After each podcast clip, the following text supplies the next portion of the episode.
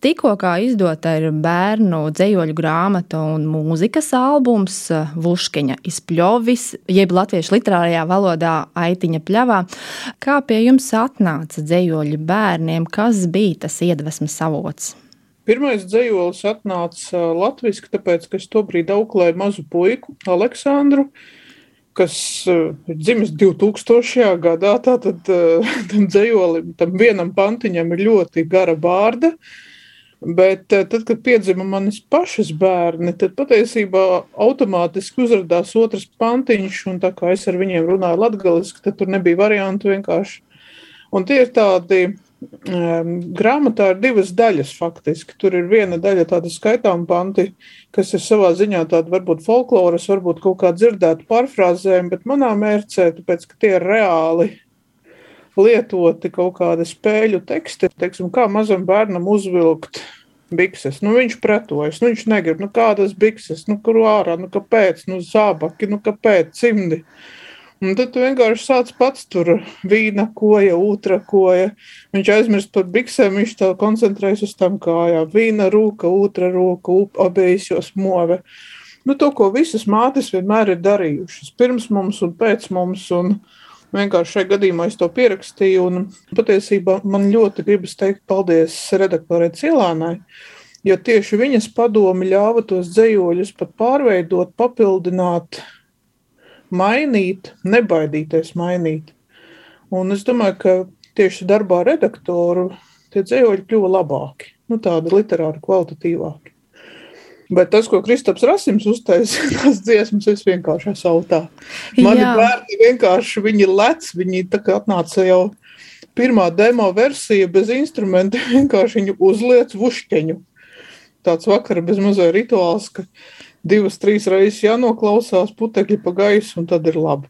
Un es domāju, ka tas ir liels iegūms, tāpēc, ka YouTube ļoti maz materiāla latviešu, kur nu vēl latgaliski, un te pēkšņi tev ir vesels septiņas dziesmas, kuras tu vari parādīt ne tikai latgaliešu bērniem, arī latviešu, arī jebkuram, kuram tu gribi parādīt, kā skan valoda un eh, parādīt, ka tas nav tikai tāds kultūra vēsturisks mantojums, ka tas ir tāds spēle, dziesma, domāta visām paudzēm. Un Un ka varbūt tas, kas klausās šobrīd ušķiņu, varbūt viņš no tā banālā teksta pēc tam radīs un aizies un, un uzrakstīs, nezinu, kaut kādu romānu latgaliski, kas ies tur, nezinu, pasaules literatūras vēsturē.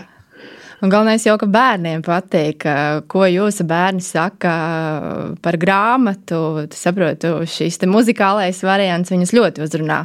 Nu, grāmatu viņi bija ļoti pārsteigti. Patiesībā viņi kaut kā, nu, neuztver mani kā autoru, viņa uztver mani kā mammu, protams.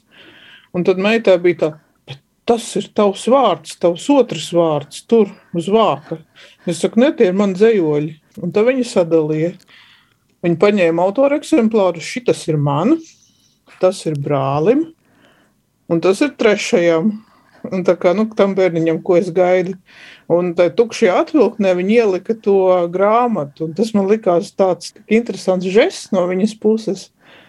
Ka faktiski tas mazais bērns, kurš vēl nav piedzimis, saņem pirmo dāvanu no māsas, no manis, ka viņi jau sagaida grāmatu. Bet šī komunikācija ar bērniem tā ir. Tā atver mm, jaunu pasauli pašam, kā pieaugušajam, liek paskatīties uz eh, citu domāšanas veidu, maina šo pieaugušo. Tā ir. Protams, un eh, patiesībā tas liek un ļauj atcerēties sevi bērnībā. Tāpēc, ka, ja mēs tālāk dzīvojam, ja mēs aizējam no tā kaut kāda skaidrās, kaut kāda saprašanas, paradoksa ieraudzīšanas, ir Jēzus piedzimšanas, tātad stāsts Ziemassvētkos, nāk Ziemassvētku vecītis, un tad man meita tā arī pajautāja.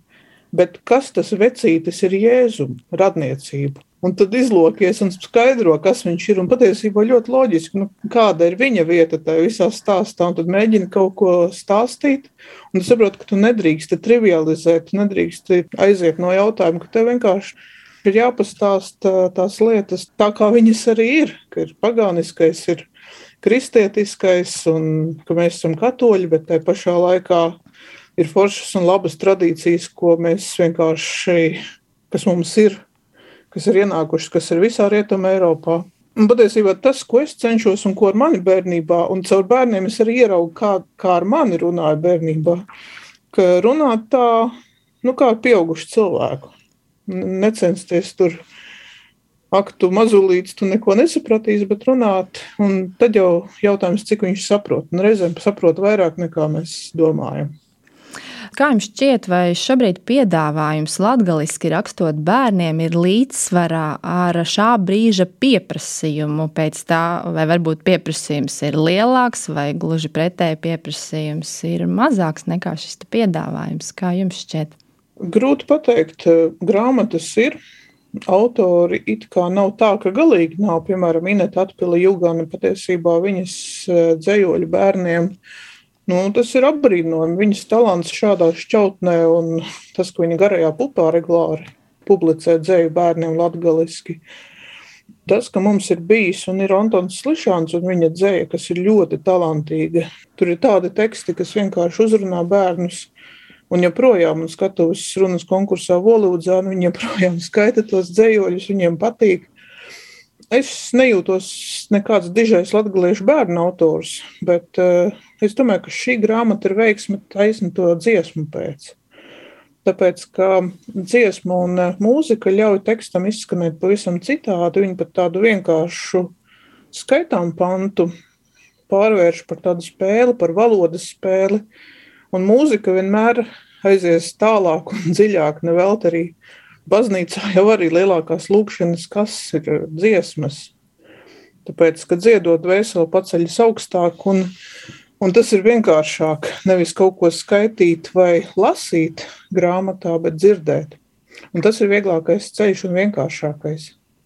Bet kā jums šķiet par šo pieprasījumu? Ir pieprasījums pēc bērnu dzējas, bērnu daļu literatūras tieši latgaliski. Kā jūs to redzat? Vai to radot, tas ir veids, kā stiprināt šo latgalisko? Es domāju, ka tas pieprasījums ir, jo man pašai patiesībā gribētos skaistas, kvalitatīvas bērnu grāmatas latviski, latgaliski.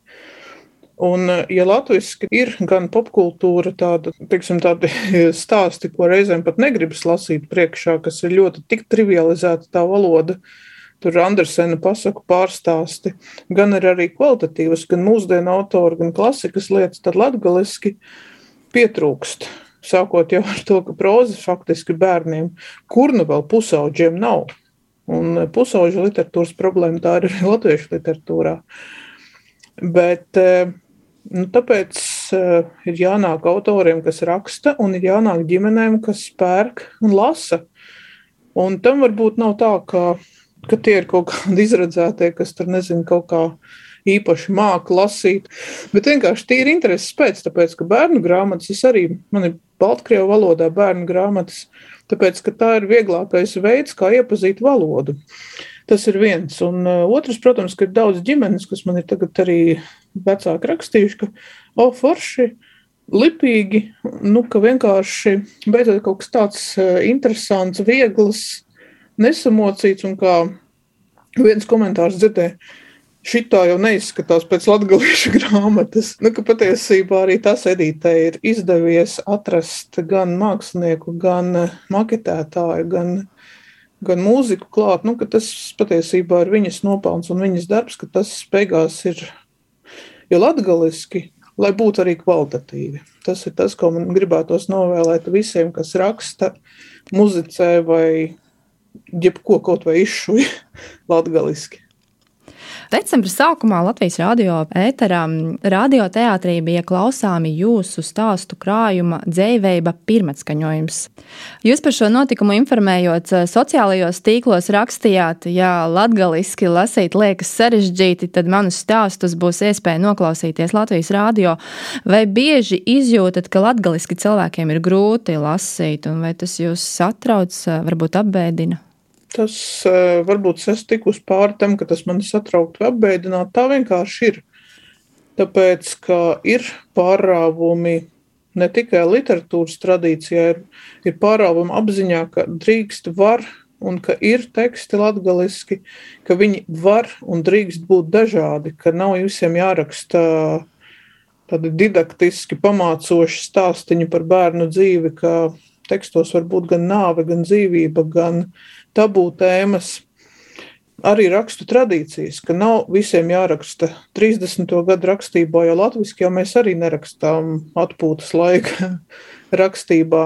Ka rakstība mainās, mainās leksika, mainās valoda, ir ietekmes no latviešu, no vācu, no, no krievu, no angļu šobrīd ļoti izteiktas. Un, patiesībā tā visā plūdumā saglabāt savu balsi un runāt varbūt ne tādā kalkos, nevis tulkotos, nevis tikai burtiski fonētiski pārnestos tur aiteņa, bet vuškeņa, mēģināt atrast latgalisko balsi, kā es teiktu latgaliski, kā muna baba sacētu un mēģināt to konstrukciju veidot latgalisku, lai viņa nāk no, no saknēm, no valodas pašas, nevis no ārpuses. Tas patiesībā autoram ir liels izaicinājums. Un arī strādājot kā redaktoram, es to redzu, ka e, ļoti daudz kas aiziet valodā šobrīd. Tie paši vecie ģenitīvi, viņi faktiski izzūd. Tāpēc, ka ir ļoti liela latviešu valodas ietekme, un arī latviešu valodā viņi izzūd. Tas, tas kas vēl ir bijis. Un, eh, vai to visu vajag paturēt, es nezinu. Otrs grāvis ir mēģināt saglabāt un rakstīt tā, ka neviens nevar saprast. Nu, tur veidot kaut kādus okazionālismus, jaunvārdus. Tas arī ir otrs grāvis. Patiesībā, kā vienmēr, ir kaut kur pa vidu. Rakstīt par būtisko, bet tā, lai cilvēks spēj izlasīt. Un, eh, tā kā ļoti daudz cilvēku saka, ka viņiem ir grūti lasīt, ne tikai nezinu, ārzemniekiem, sazinu kādiem, ne tikai pašiem latviešiem, bet pašiem latgaliešiem. Tāpēc, ka nav lasīšanas pieredzes, tāpēc, ka pat beidzot filoloģijas eh, studijas var neizlasīt nevienu tekstu latgaliski. Tāpēc, ka tas īsti, tas ir kaut kas perifērs. Ir latviešu literatūra un tad ir kaut kur fonā latgaliešu, bet tas īsti neatiecas uz latviešiem. Tad eh, savā ziņā radio lasījumi un audio lasījumu. Tas ir labs veids, kā iepazīt literatūru, necenšoties vai nemēģinot lausties un nu, tā, ka tu atver sāc lasīt, oi, nevaru. Bet vienkārši klausies un varbūt kaut ko tur ir izdzirdējis.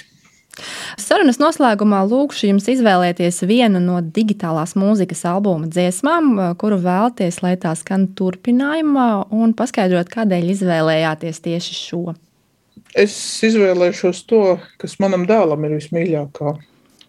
Viņam meži ļoti patīk, tāpēc, viņam pirmā audzinātāja, vai pirmās divas audzinātājas eh, bija ļoti mīļas, ļoti labas, ļoti gudras, eh, talantīgas, un viņam bija grupa ezīši.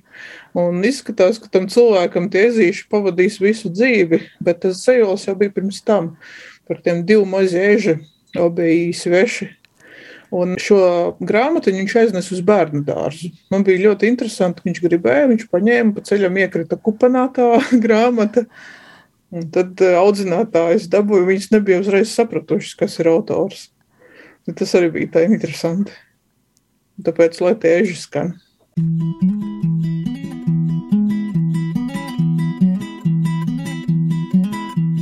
Divi mazi eži Дію осі ежі, обеє їй свежі, сазатика, дію мозі ежі, дію осі ежі, обеє їй свежі, сазатика. Ой, cik tu os, oi, cik tu bos, kurežam kalašēši, kur ir kalašēši, oi, cik tu os, oi, cik tu bos, kur ir kili, kili, kili, kili, kili kalašēši, kili, kili, kili, kili, kili kalašēši.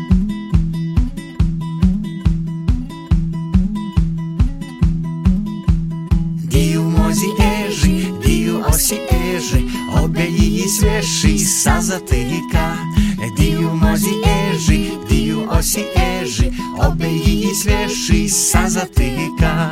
Oi, cik tu os, oi, cik tu bos. Kūrežam kalašēši, kur ir kalašēši?